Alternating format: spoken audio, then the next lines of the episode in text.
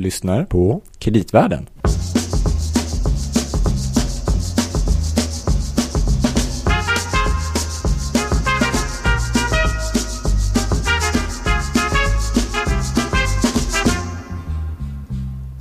Gabriel, trevligt att se dig igen. Ja, hej, hej. Det var inte så länge sedan sist. Eller ho, ho, ho kanske. ja, Ja. precis. Ja, lite kanske. Att, det- men vi, lite julstämning, men sen så sa ju Roger att vi inte skulle få någon julklappar i år heller. Det är förra avsnittet, ja. Just. Mm. det. Ja, det kan man lyssna på om man har missat det. Om man vill ha en spaning inför nästa år och var vi egentligen står. Det här är alltså podden Kreditvärlden. Ja, av och med Lo och Gabriel. Stämmer bra om eh, fokus på finansiella marknader. Mm.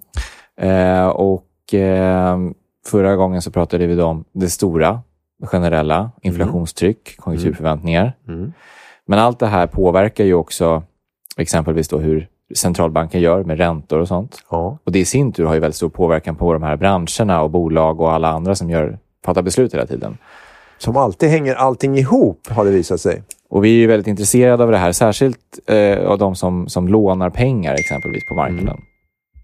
Eh, då finns det ju en bransch som har lånat ganska mycket pengar på marknaden de senaste åren. Tänker du på något speciellt eller? Jag vet inte om du, eh, får- om du vill gissa? Om du säger så så gissar jag på fastighetsbranschen. Ja, det var den jag tänkte på också. Ja. Kan vara banken också i och för sig. Ja, och jag vet ju att många lyssnare är intresserade av hur fastighetsbranschen utvecklas och eh, av naturliga skäl är vi också intresserade. Och vi har ju pratat om det ganska många gånger i den här podden. Mm, det har vi. Och vi har ju haft en gäst i podden tidigare som är tillbaks eh, idag. Väldigt lämpligt nog att prata med oss om det här. Anders Kvist, senior rådgivare på Finansinspektionen. Tack, kul att vara tillbaka. Mm. Varmt välkommen. Det är ju så fint för att det visar sig ju att du var med oss i början på året. Just det. Och apropå de stora frågorna, då pratade vi ju faktiskt om... Ja, det roliga var ju, eller roliga vet jag inte, men vi hade ju, temat var ju the end of easy money. Mm. Och då satte vi ett frågetecken på det. Vi kanske kan stryka det frågetecknet nu, eller? För tillfället får vi nog göra det. Mm. Eh, därför att tillgången på finansiering och kostnaden för finansiering eh, har ju förändrats och försämrats väldigt mycket under det här året. Ja. Snabbt och i stor omfattning. ja. Och när du blickar ut och tittar då på, om man säger risker i finansiella ja, systemet och vad som kan påverka sånt där, så som Gabriel var inne på, fastighetsbranschen har ju varit i väldigt fokus här under stora delar av året på grund Mm. av det här, eller hur? Fastighetsbranschen är ju väldigt kapitalintensiv. Eh, Det är stora tillgångsvärden, det är hög grad av lånefinansiering eh, och det gör att eh, fastighetssektorn är känslig för både störningar i tillgången på Mm. lånefinansiering och inte minst kostnaden för lånefinansiering. Alltså både ränteläget och kreditspredda lånemarginaler på toppen utav, utav räntan. Just det. Och som du säger, en sektor som lånar mycket och för att prata lite storheter så väldigt, väldigt grovt så är det, det är ungefär två tredjedelar lånefinansiering till sektorn i Sverige som kommer från bank. Mm. Men har nu på senare år växt på obligationsmarknaden så den är en dryg tredjedel Ungefär så. av totalen, ja. eller hur? Så är Alltså- det. det har ju varit trenden de sista knappa tio åren att fastighetsbolagen har kunnat komma ut på obligationsmarknaden både i Sverige och eh, i, på euromarknaden Mm. eh, och, och, och har kunnat låna stora volymer till, till låga kostnader och har använt det som Mm. finansiering för att expandera balansräkningarna genom att köpa fastigheter. Och det, det är är, apropå det med euromarknaden i sig är intressant och det är väl många som inte känner till att den står för kanske hälften av den här volymen på obligationsmarknaden har man lånat på euromarknaden.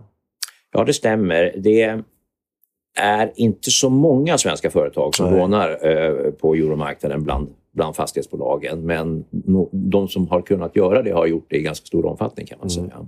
Just det. Så en tredjedel av lånefinansieringen för fastighetsbolagen, de svenska fastighetsbolagen, kommer nu alltså från obligationsfinansiering. Ja. Mm.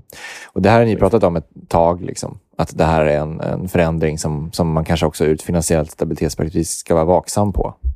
Ja, det är lite tveeggat. Alltså, egentligen så är det positivt att banksystemet kompletteras som finansieringskälla för näringslivet i stort. Det leder till en riskspridning i, i, när det gäller kreditrisken i utlåning till näringslivet och inte minst då till den kommersiella fastighetssektorn. Och det är bra för företagen att de har mer än bank, bankerna som finansieringskälla. Mm. Så, så det finns ett diversifieringsargument. Men eh, det är ju viktigt att obligationsmarknaden då är eh, så pass stabil att man över tid som företag kan påräkna att rulla sin finansiering där. Ja. Och det är väl det som testas just nu ja. eh, när marknadsförutsättningarna ser väldigt annorlunda ut än vad de har gjort under ett antal år av just Easy Money. Just det. Mm. Men för jag tänker på när man tittar då. vi har pratat om det förut här i podden Gabriel. I somras pratade vi om fastighetssektorn och lite mm. grann vad som hände. Och då initialt så stannade det upp och så var det inga emissioner alls. Sen har ju marknaden kommit igång lite grann och vissa bolag har lånat pengar. Ja. Så att man kan säga att på sätt och vis funkar ju marknaden, men räntenivåerna är ju helt andra än vad de var i början på året.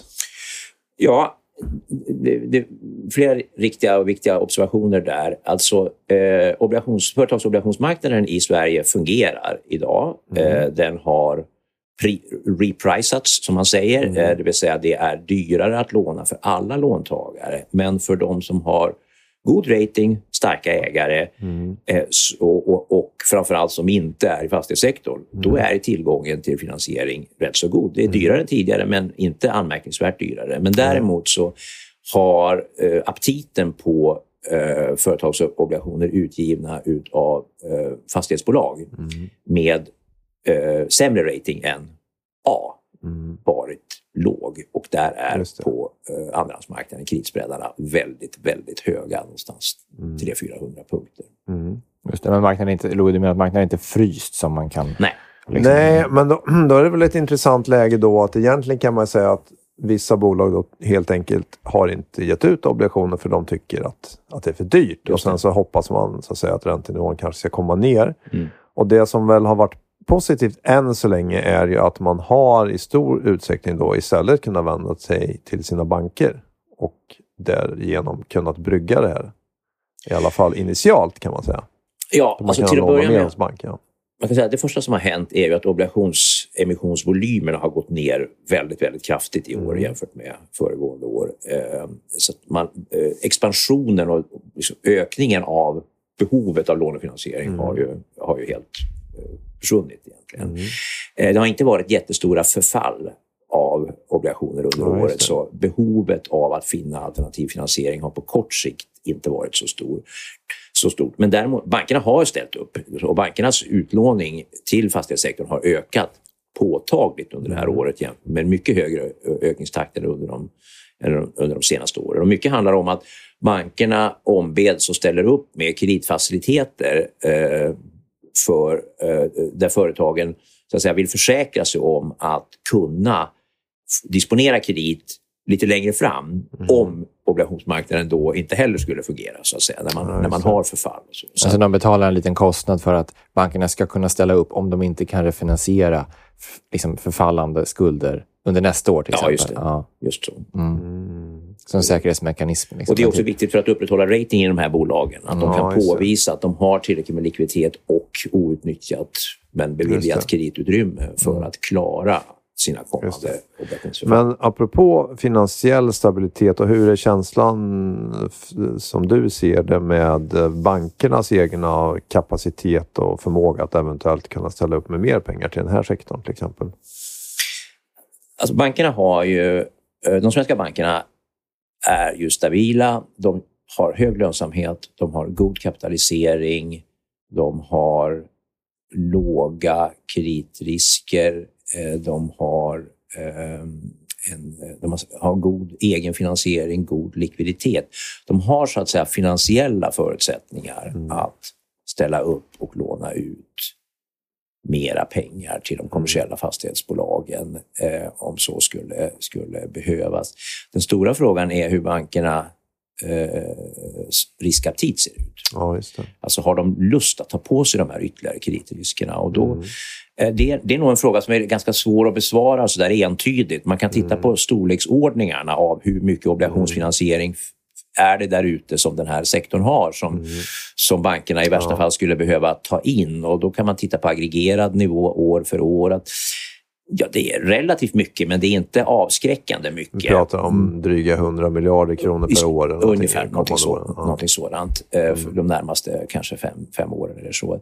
Så det går nog rent, eh, om man ser till kapaciteten. Mm. Men, men sen ska man ju ner på individuell företagsnivå också, ja. så att säga. Eh, har bankerna lust att låna ut pengar till just det, det företaget som har kanske eh, större utmaningar på refinansieringssidan? Mm och där är det, eh, jag skulle säga, time will tell.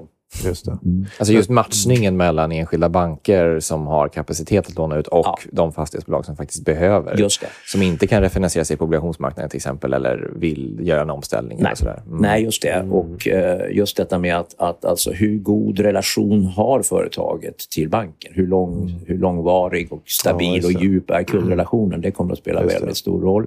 Samt vilka säkerheter kan företaget ställa?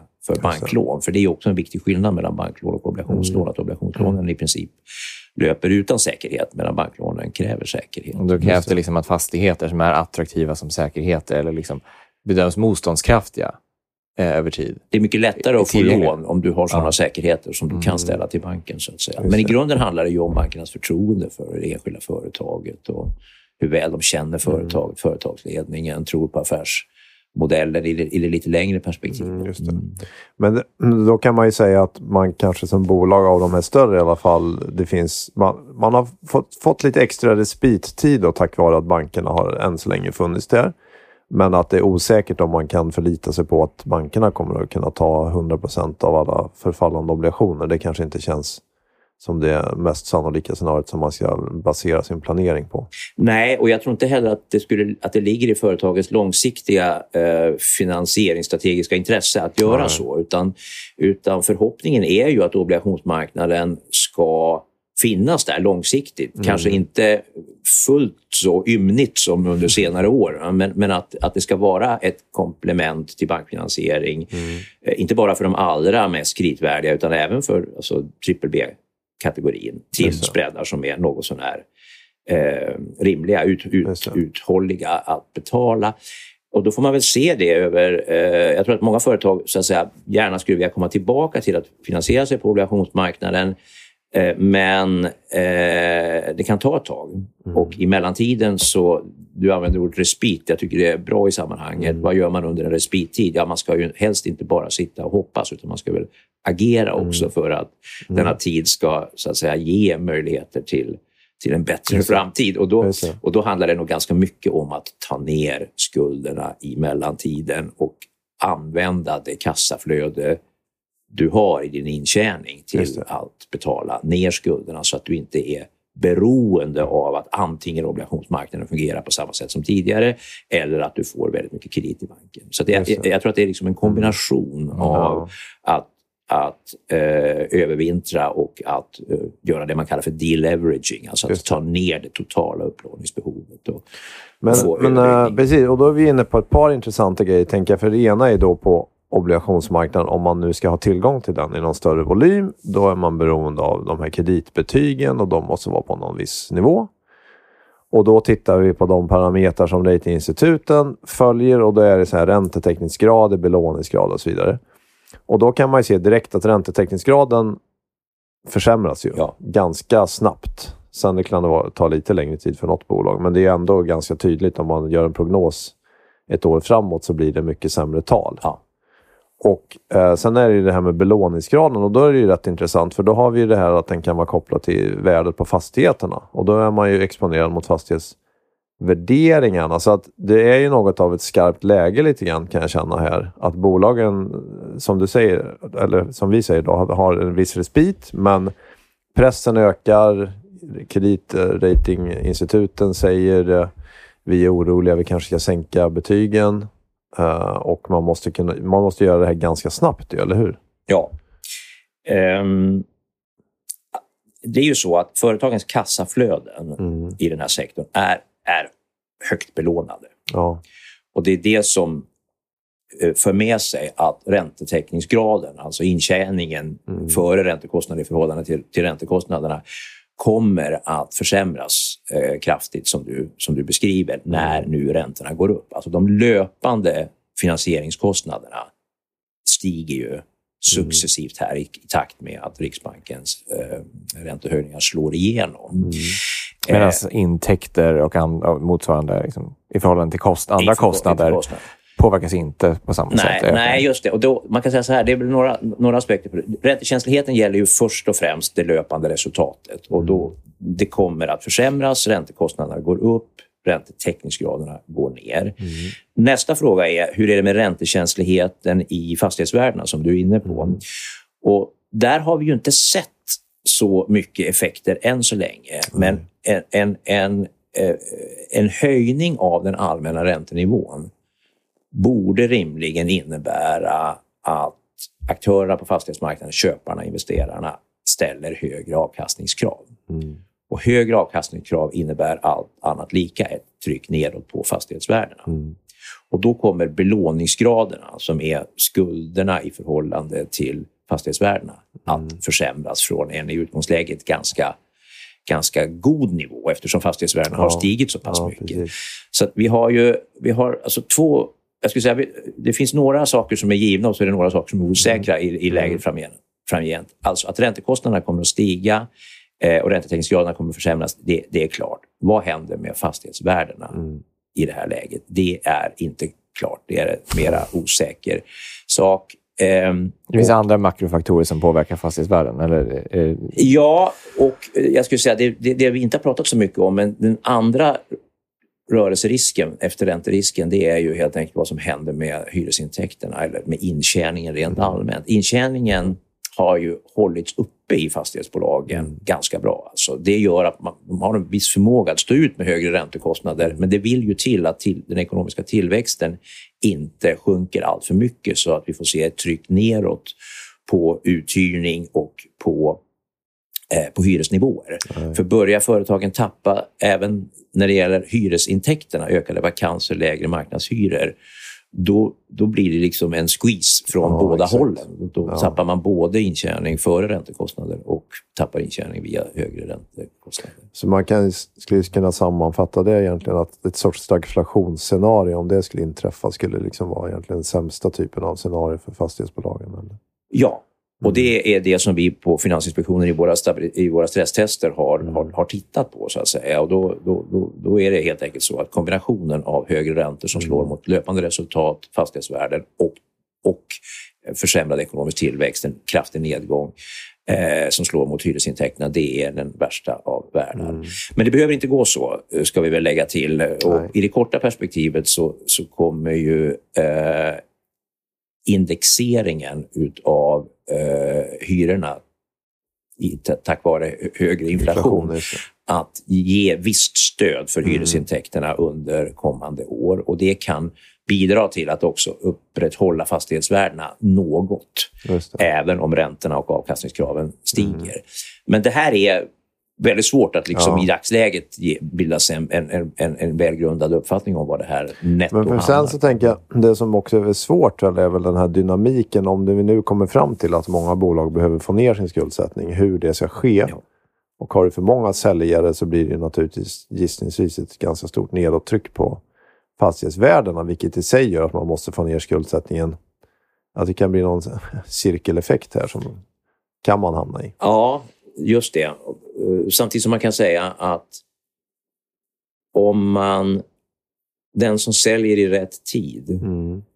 borde kunna få ut bättre värden mm. och kunna använda pengarna som frigörs till att betala ner skulder och sänka den finansiella risken i företaget. Mm. Och det borde minska risken för, för, att, för senare panikförsäljningar. Ja, det. Eller, alltså, eller det måste vara en, en ordnad process. Då, det måste, I den bästa av mm. världar så är det en ordnad process där mm. flera aktörer så att säga dels säljer av en del fastigheter, dels använder sitt kassaflöde, kanske efter att ha ställt in aktieutdelningar, mm. till att betala ner skulderna så att temat hög skuldsättning, hög ränterisk blir mindre mindre påtagligt. så att säga. Då kan aktiemarknaden kanske ta fasta på det och då kanske inte och bankerna och obligationsmarknaden är beredda att låna ut pengar och då kanske inte heller trycket på vidare nedgång av fastighetsvärdena behöver bli så stort. Så, så det finns absolut den, den, det, det, det positiva scenariot att, att, ta sig ur det här. Det är, men, men, det är inte givet.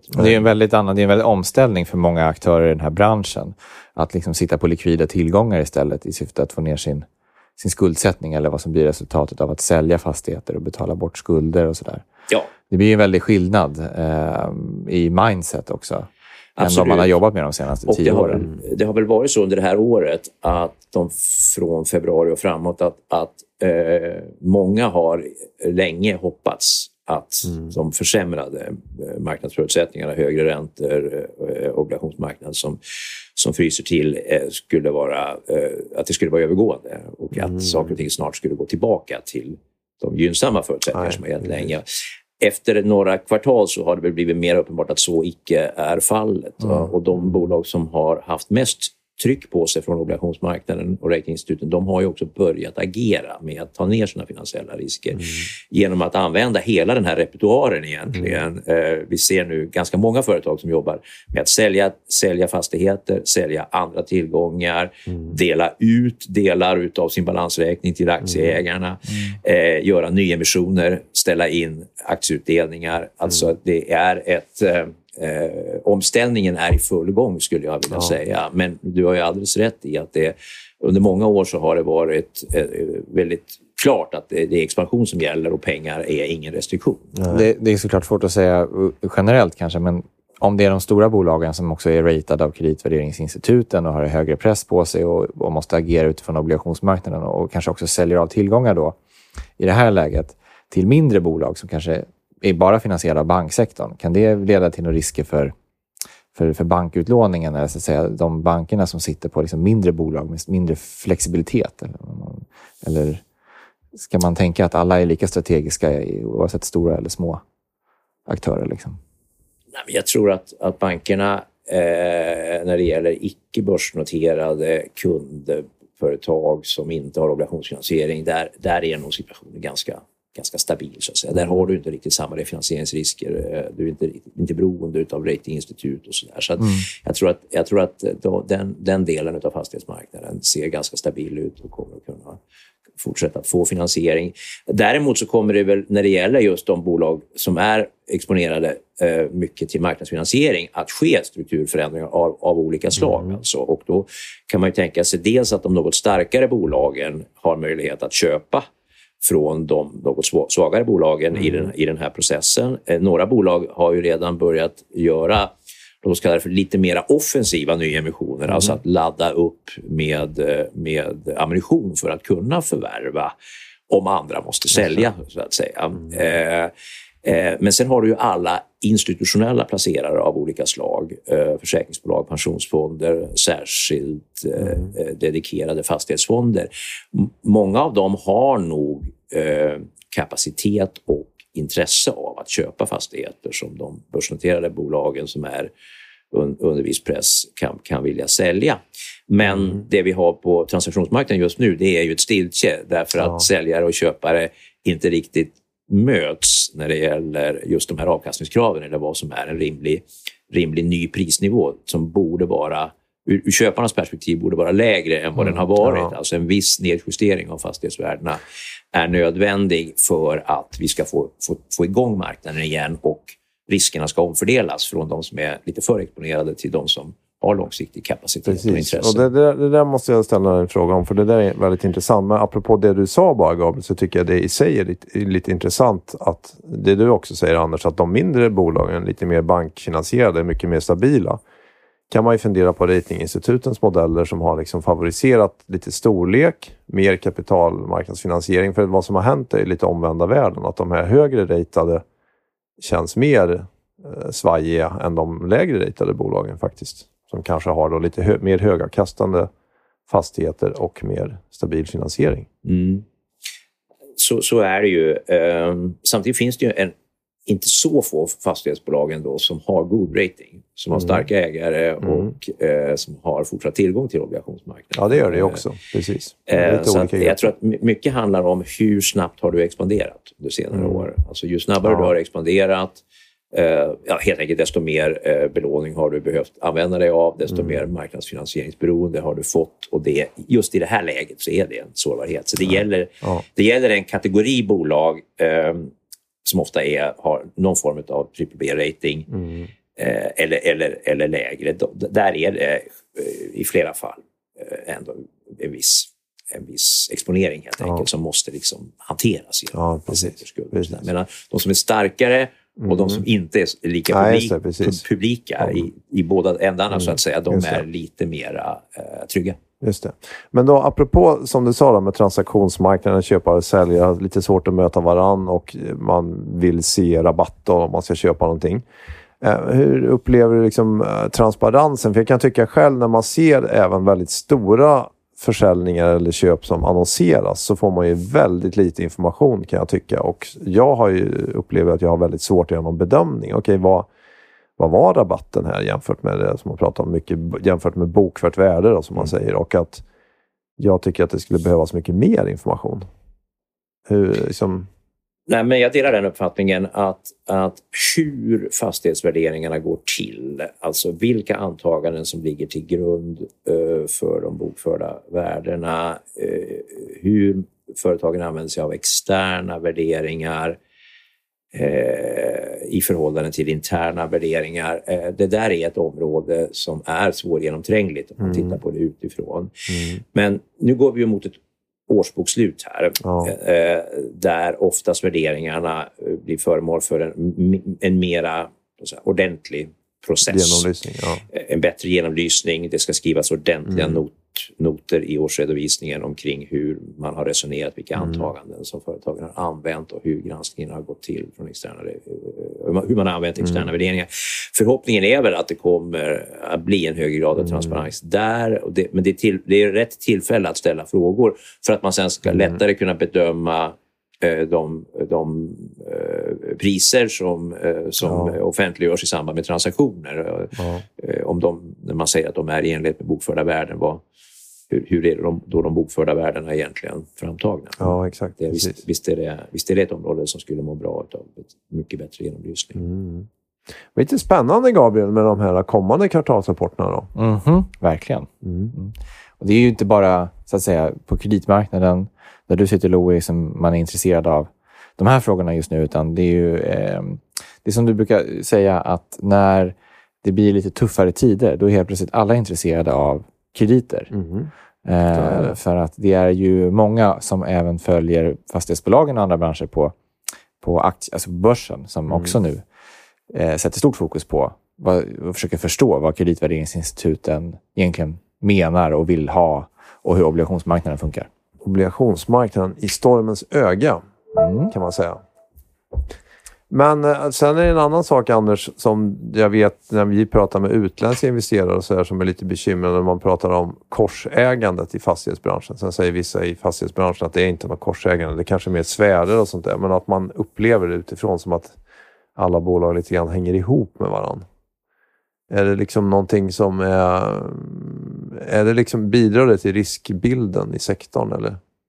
Det som kan rymmas under begreppet företagsstyrning, corporate mm. governance, rent, mm. rent generellt, är ett område där, där eh, fastighetsbolagen under den här expansionsfasen inte har blivit så hårt nagelfarna. Så att säga. Nej, det, det, har liksom, det har varit viktigare att, att leverera tillväxt mm. och expansion Eh, och det slår kanske lite tillbaka nu. Då. Det, mm. det, det, jag, jag, tror, jag vet inte om just korsägandet är det stora problemet, men, men att det är eh, alltså hur, eh, hur, hur företagen helt enkelt sköter sig. Alltså mm. hur man eh, hanterar, hur man utser företagsledningar, hur man byter företagsledningar. Eh, ja. Om styrelsen utgör en styrelsernas roll i förhållande till huvudägares... Vem, eh, vems intresse man företräder kanske? Ja, jag tror att där, mm. där finns det en, en, i vissa fall en oklarhet så att mm. säga och där då kanske inte minst utlänningar har i några fall blivit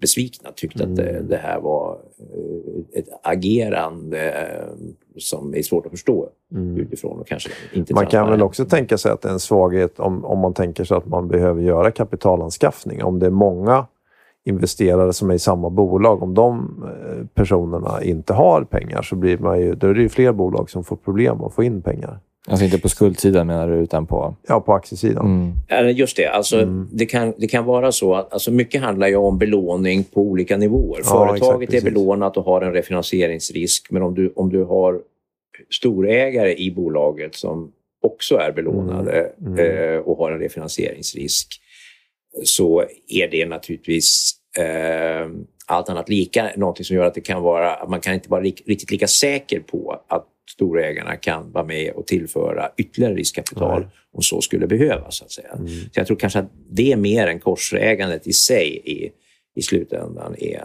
eh, är problemet. Alltså Mm. belåningen på Mm. ägarnivå. Ja.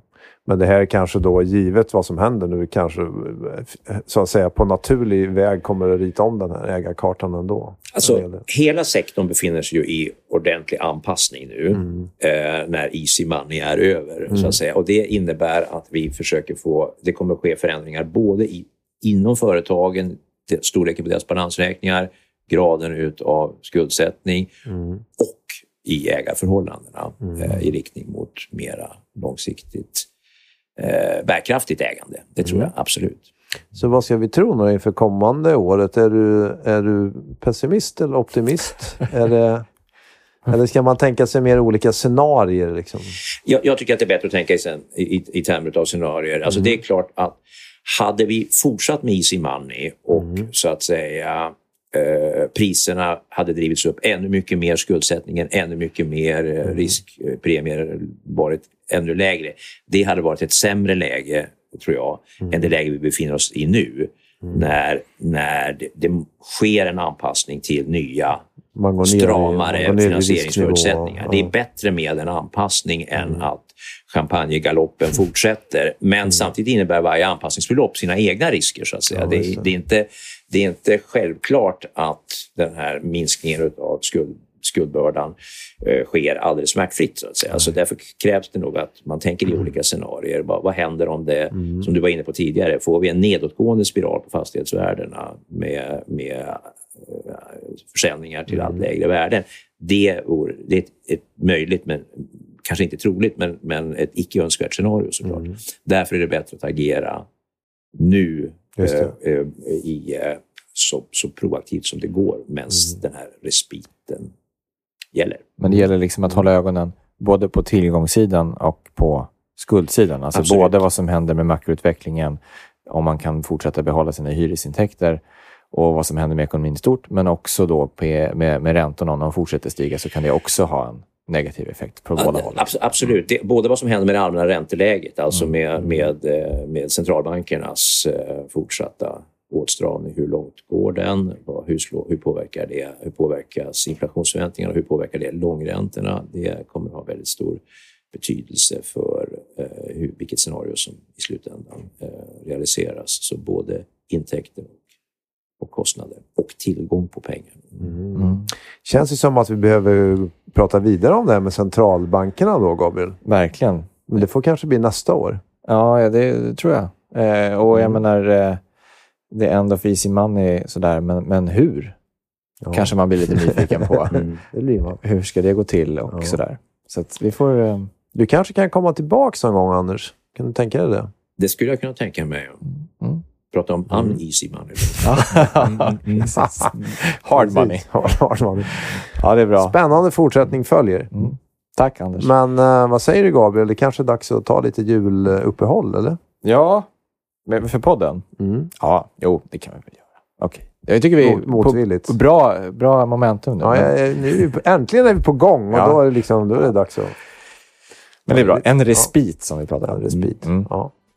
Så gör vi. Tack för det. Då kanske vi har en passande sång, eller? Mm. Mm. Kanske något med lite jul.